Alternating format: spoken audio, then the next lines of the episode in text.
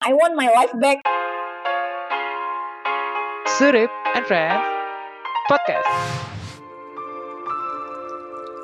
Balik lagi di Surip and Friends Podcast. Kali ini aku bawa mamah muda dan dia adalah mantan guru bahasa Inggris aku pas zaman aku les di Bandung dulu. Halo Miss Pungki, apa kabar? Halo Arif, apa kabar juga? Kabarku baik nih. Alhamdulillah. Baik dan sehat. Baik dan sehat. Ya, Ajeng Arif gimana? Ajeng? gimana? Sehat. Juga sehat. Aja sehat. Alhamdulillah. Dia mah kayaknya emang gak ada keluhan selain badannya yang mungil. Apa-apa. Ya gak ada keluhan. Kan sehat. Tadi udah minum Yakult kan? Kayak segar banget minum Yakultnya. Di sini susah Yakult soalnya. Oh gitu? Oh iya iya iya. Aku pikir ya aku Iya. menduni ya. Ternyata enggak ya. Cukup Asia doang ya kayaknya. sebenarnya. Ah, aku kalau mau nyari Yakult harus ke toko Asia. Tapi kayak di Italia itu ada ya. Jadi dijual satu pak gede gitu. Oh. Satu pak di 10 gitu. Di Italia itu ada ya. Gak tahu di sini mungkin Gitu. emang agak-agak gitu. Oh iya. Asianya. Paling banyak Vietnam sih tapi Hmm. nggak tahu. Hmm. Iya. iya. Hmm. Iya. Iya, iya. dulu diajarin Pungki Gitu. ketika masih lajang terus dia sering banget berkontemplasi masalah nikah dan sekarang tiba-tiba aku tahu udah nikah dan udah punya anak gimana ceritanya Eh, yang mana dulu nih yang mau aku ceritain ya? Kok kenapa ini internet aku unstable gini ya? Eh, suara aku jelas kan ya tapi ya. jelas kok aman masuk Jadi, eh ya, jadi aku kayaknya perlu flashback dulu kali ya. Dulu tahun berapa ya aku ketemu sama Arif? 2010 kali ya Arif? 2010, 2011 ya. 9 Iya, tahun lalu. 2010. Itu usiaku masih berapa tahun ya? Iya, kayaknya usiaku sekitaran 10 tahun yang 25-an lalu. lah saat itu. Iya, ah, 25-an. Mm-mm. Kurang lebih lah, 9-an ya. Kurang lebih usia 24 25-an. Sebenarnya sebenarnya cewek-cewek tuh banyak yang udah merit. Kalau di Indonesia kan banyak juga perempuan yang udah merit gitu loh di usia segitu kan. Kalau aku justru masih dengan hingar-bingar pergaulanku saat itu kan. Ibaratnya yang ibaratnya yang kayaknya balik tuh jelang subuh. Pokoknya rock and roll banget lah kayaknya hidup. Emang rock and roll Tapi, banget lah Pungki gitu akhirnya setelah eh sempet nongkrong juga kan dulu kita ya kan? Makan ramen Iya. lah sama anak-anak satu kelas terus ke mana lagi? Terus kamu nemenin aku lah ya nyari-nyari bebe Arif ini gimana? Karena aku gaptek. Dan teman-teman aku nggak ada yang mau nemenin gitu loh herannya. Jahat banget. Iya, iya. biar aku bisa belajar katanya belajar sama teknologi. Untungnya ada student yang bisa aku manfaatkan loh. Aduh, akhirnya jadi eh, sejak itu Arif lulus aku juga meluluskan diri dari ILP kan waktu itu. Kita ketemu di ILP kan terus akhirnya aku masuk IF dan eh, pas di IF itu aku ketemu sama calon suamiku. Sebenarnya dulu tuh nggak berpikir kalau eh, si apa bapaknya Ajeng ini akan jadi suamiku karena ya kami sekedar ketemu aja gitu cuma say hi say say apa say hi say hello gitu kan. Nggak ada pikiran mau ngedate apa gimana. Tapi akhirnya eh,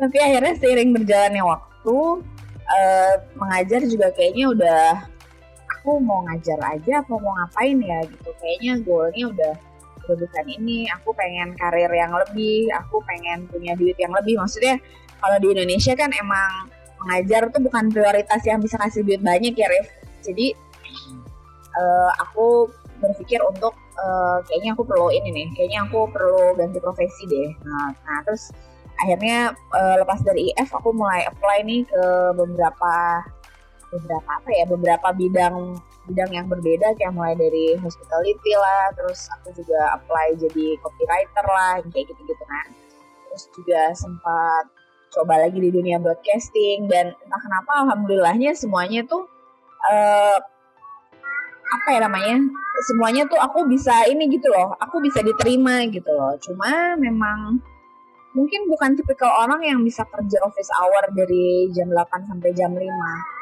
semua kerjaan yang aku jalani selepas dari mengajar itu gak ada yang lama tuh Rif bertahannya. Semuanya tuh kurang dari satu tahun.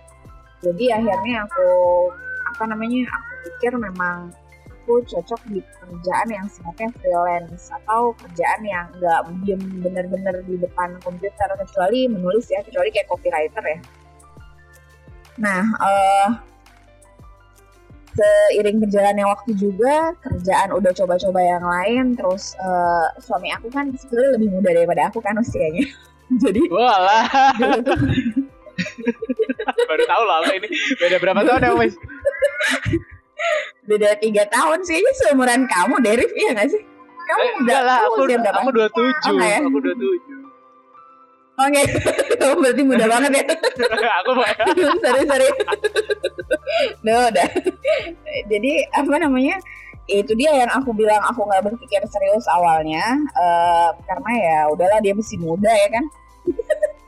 dia masih muda dia masih jalanin pendidikan dan lain-lain gitu aku pikir ya udahlah mungkin emang aku saat ini harus jalan sama mahasiswa skripsi biar dia lebih semangat dengan kerjain TA tapi taunya uh, udah lulus pun masih masih jalan dulu ya gitu. Ya udah. Kok nyaman gitu ya kok nyaman. Iya itu dia. Uh, ternyata sama yang berondong kok lebih cocok ya kan? Uh. Iya, apa namanya lebih bisa memahami diriku yang rock and roll ini, rock and roll dan banyak mau ini. Sampai gatal deh aku ngomongin ini. Sampai gatal. Tapi, tapi kalau aku lihat ya, Jadi, dulu pas uh, di tempat les juga kayak Miss Mungkin itu emang lebih get along sama yang anak-anak muda gitu. Uh, sama yang tua-tua gitu, sama yang guru-guru lain terus kan. Ini lebih get along sama student-student kan. Iya, hmm, aku aku menyadari itu karena sampai sekarang pun bahkan uh, apa namanya uh, adik-adik kelas aku di kampus uh, apa namanya adik-adik kelas aku yang apa namanya adik-adik kelas aku di kampus yang bedanya 12 tahun 15 tahun itu mereka masih nyambung-nyambung aja gitu loh sama aku. Makanya kadang suka agak apa ya suka agak kesulitan untuk bisa mengimbangi orang yang lebih tua justru pada saat ngobrol atau pada saat apa namanya pada saat ngobrol atau pada saat kita komunikasi lah ibaratnya. Kayak agak susah untuk ngimbangin. Makanya sama mama mertua pun aku ngobrolnya kayak gini aja deh. Kayak ngobrol sama temen aja. Untungnya mama mertua aku bukan yang bukan yang konservatif. Gimana dia? Dia orangnya moderat dia rock and roll dia, juga kali ya. banget. itu mungkin yang akhirnya uh, ya sedikit sedikit rock and roll. Dia rock and roll pada masa mudanya karena pada masa mudanya juga. Jadi nah mungkin karena pertimbangan itu juga karena udah apa namanya merasa nyaman sama keluarga suami udah welcome akhirnya uh, suami juga udah lulus udah udah mulai bertanya nih ngapain kita deket-deket lama-lama kalau nggak ada tujuan gitu loh nggak ada ke arah merit? Akhirnya dia potong kompas nih ternyata dia potong kompas dia ngelamar duluan lewat bapakku. Jadi akhirnya ikut di uh, ditodong gitu loh lebih tepatnya. Aku si anak yang di rock and roll ya yang beneran tidur jelang subuh terus apalah nggak peduli orang lain ya kan? Makan tinggal makan. Aja aja makan tinggal makan apa tinggal apa. Ternyata harus merit nih. Nah di situlah awal ceritanya dimulai. Jeng jeng ternyata eh itu duit siapa tuh? Di lantai? Ambil dong. Jadi uh, ternyata setelah menikah itu aku tuh memang sama sekali uh, tidak memahami esensi pernikahan tuh apa sebetulnya. Aku tuh memang buta banget soal pernikahan karena emang dari dulu tuh aku memang nggak mau merit. Jadi oke okay lah kita pacaran lama-lama tapi nggak masalah lah.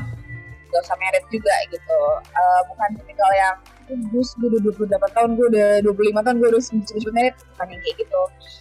Uh, makanya bisa nyaman dengan siapa pun jalan uh, apa namanya nggak nggak nggak nggak galau mikirin apa gitu. Dan begitu merit itu justru yang kayaknya galau banget hidup gue Rif jadi kayak apa namanya kayak uh, kayak suamiku kan Jawa juga kan dia orang Surabaya dia lahir besar di Kalimantan tapi uh, secara garis keturunan tuh dia tuh uh, berdarah Jawa gitu. Jadi seperti kebanyakan orang-orang Jawa yang emang me, apa ya menganut sistem patriarki di mana makan harus diladenin, minum harus disuguhin gitu. Uh, aku tuh nggak melihat sisi itu dari dia. Dia tuh tipikal yang mau mau kopi dia bikin aja sendiri. Ini aja nih. Ayo bener gope uh, apa namanya kopi dia bikin sendiri makan dia ambil sendiri gitu cuma uh, apa namanya cuma uh, ada hal yang emang aku lupa juga gitu kalau ternyata uh, dia bikin dia bikin sendiri itu bukan berarti uh, dia nggak mau diladenin gitu ya. Mulai tuh ada apa namanya ada gejolak, ada konflik. Uh, aku yang berpikir emang dia modern kok dia nggak merasa dia nggak merasa itu masalah gitu loh untuk ngerjain semuanya sendiri tapi ternyata memang ada sisi itu juga perlu kok di apa namanya di di di, di dilayani gitu diladeni kan juga Arif begitu deh insya Allah. Dan apa namanya? ya. iya. Nah uh, nah seiring pernikahan jalan nih ternyata sebulan setengah atau dua bulan atau sebulan kemudian tuh aku hamil tuh. Jadi dari satu bulan itu aku mencerna pernikahan itu apa dan apa yang harus dilakukan. Ibaratnya kayak term and condition as a wife uh, apa yang aku must and eh, apa namanya must do should do kayak gitu-gitu tuh aku aja belum ngerti gitu. Tiba-tiba tuh aku hamil jeng-jeng gitu. Ini kan cuma sedikit. Aku sambil ini ya sambil main play doh ya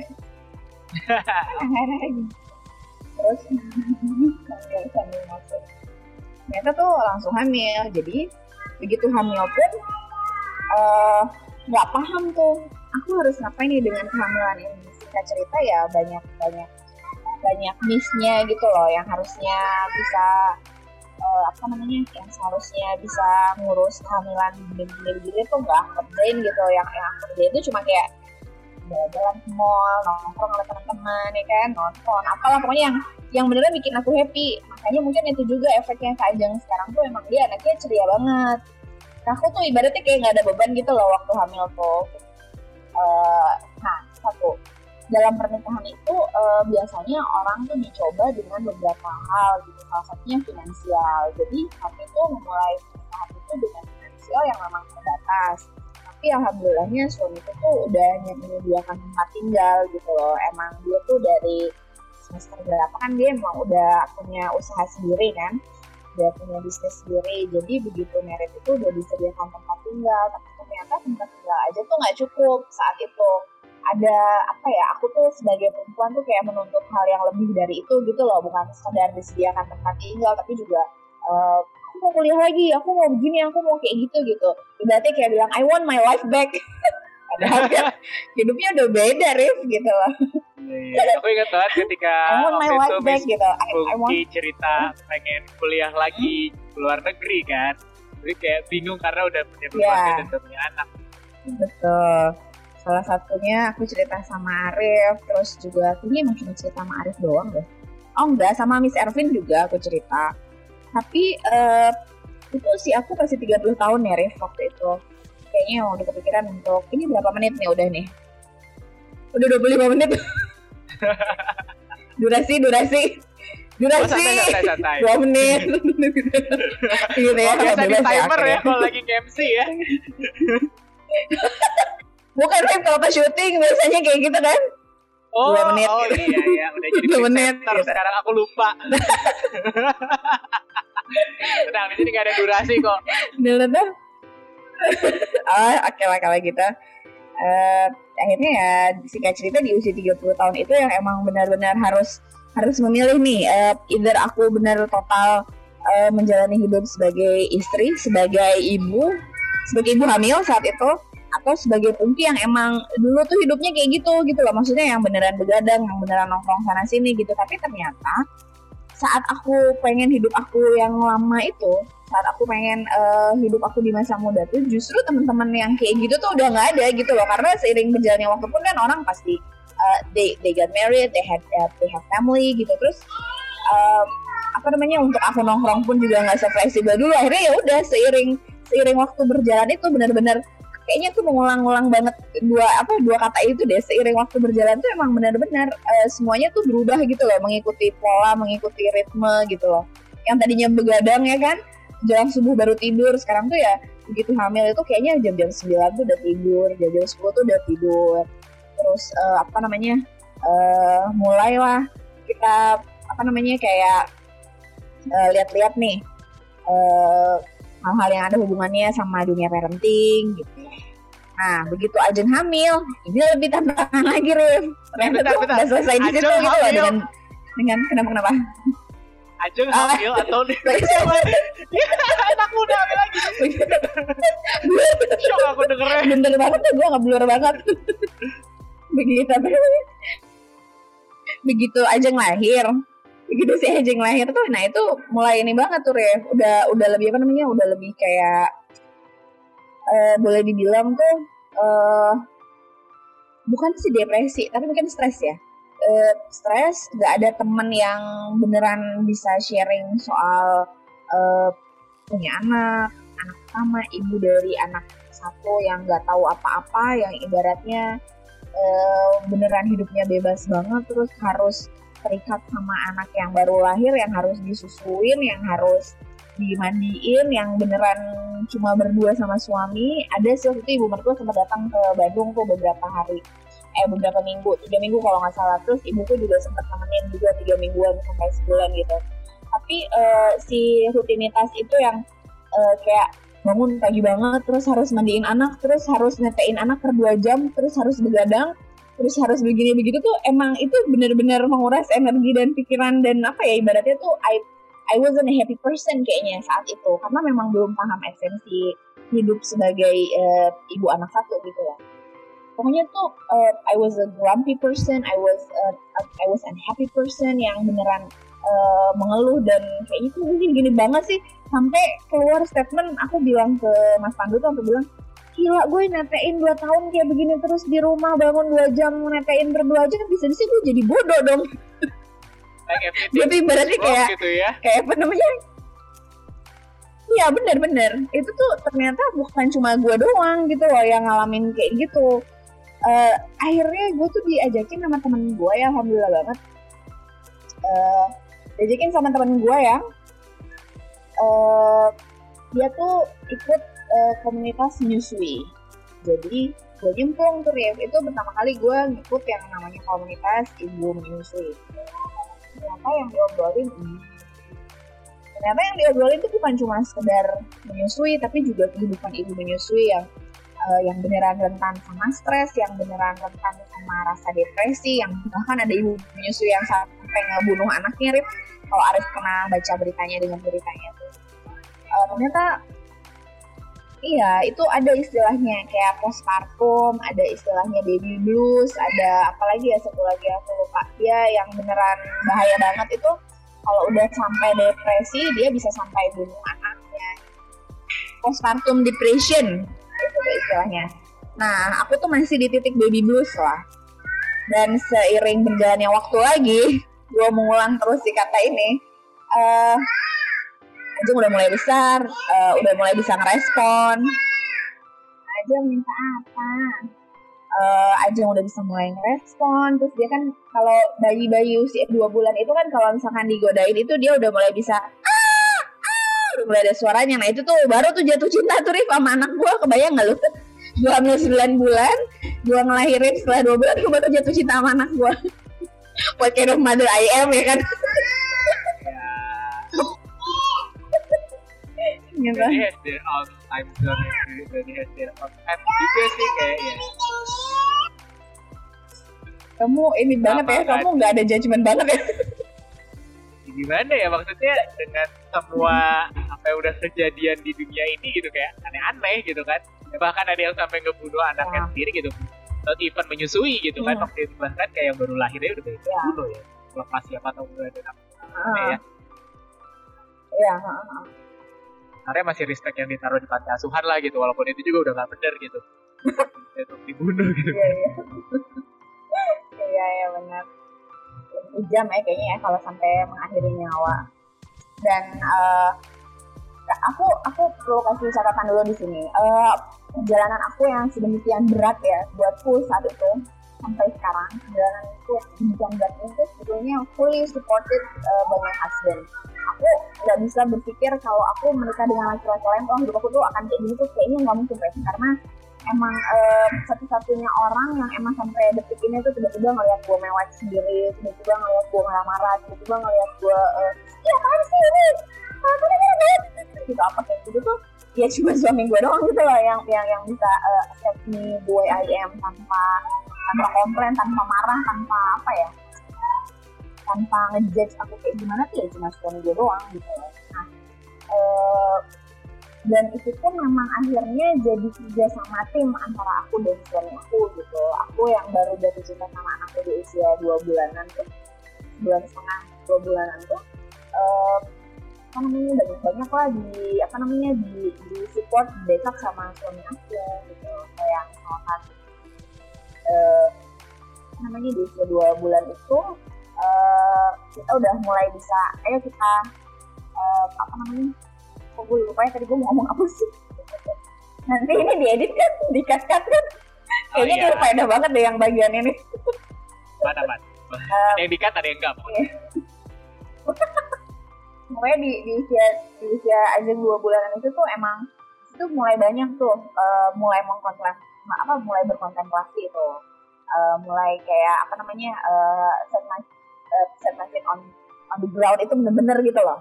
Jadi ketemu dengan ibu-ibu ketemu dengan apa namanya walaupun cuma ikut WhatsApp grup aja tuh jadi tahu gitu ternyata bukan cuma gue sendiri yang yang yang punya keluhan kayak gini. Oh ternyata suami lain di luar sana itu banyak yang lebih tidak pengertian dibandingkan suami gue gitu. Dan alhamdulillahnya suami gue tuh sangat support eh, sangat supportif gitu. Nah, akhirnya bentar ya dia agak-agak jangan ditutup ini mama nasi ini dulu sebentar aja mau main apa terus beli itu deh nah jual apa ini jual sama ini pak dibikinin sama Ajeng Oh, ayam. dibikinin ayam goreng.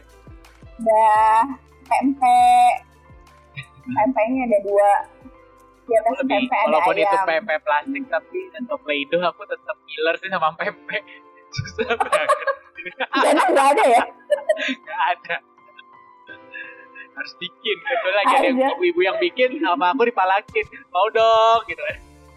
Itu ya Allah Aduh Arif nih Ya gitu Jadi balik lagi ke yang tadi Di usia 2 bulanan aja itu aku mulai tuh eh, Apa namanya menata, menata hidup lagi Mulai lagi lah dandan Mulai lagi lah aku tuh pakai-pakai baju yang menurut aku nyaman Tadinya tuh dalam 2 bulan pasca apa namanya pasca lahiran itu sama sekali tuh nggak ada tuh mau dandan mau apa gitu. Eh, kayaknya ngerasa gitu eh, I'm the saddest in the world kayaknya paling menyedihkan di dunia gitu you know. Eh, apa tidak ada tuh belum bisa bergaul sama orang-orang. Tapi begitu dua bulan Rif begitu gue udah mas eh dapat dapat lagi gitu ya apa namanya gue dapat lagi semangat gue Got my spirit back. Itu langsung tuh gue ngabur tuh keluar tuh gue ajakin Ajeng ke mana kita ke mall kita ke mana. Dan di situ ketemu dengan banyak orang.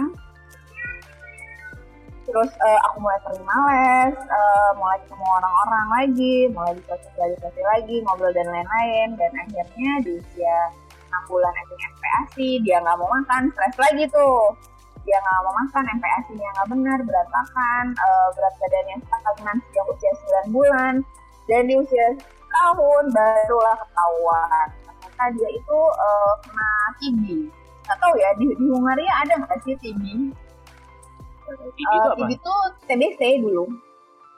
Oh. TB itu TBC. Dulu tuh disebutnya TBC yang paru-paru ada fleknya itu. Itu karena bakteri penyebabnya. Eh, kan ada Oke. ada TB, ada bronchopneumonia yang kayak gitu. Nah, usia 12 bulan Ajeng eh, didiagnosa itu. Nah TV drop lagi tuh Rif. Jadi kayak bener-bener menyalahkan diri sendiri. What did I do wrong gitu loh ibaratnya. Uh, Apa namanya uh, Ada lagi lah cuma terhadap diri sendiri kayak uh, I'm a very bad mom. Uh, Apa namanya ini anak tuh gak gue urus dengan baik lah gitu. I couldn't take care of my uh, daughter lah apalah semua lah ya ibaratnya kayak uh, cercaan terhadap diriku sendiri gitu di 12 bulan itu. Tapi uh, cercaan itu udah aku keluarkan dan lebih kayak ke jalan ini ya kayak Wallace aja gitu. Uh, lebih kayak ke balik lagi kontemplasi part 2 gitu loh.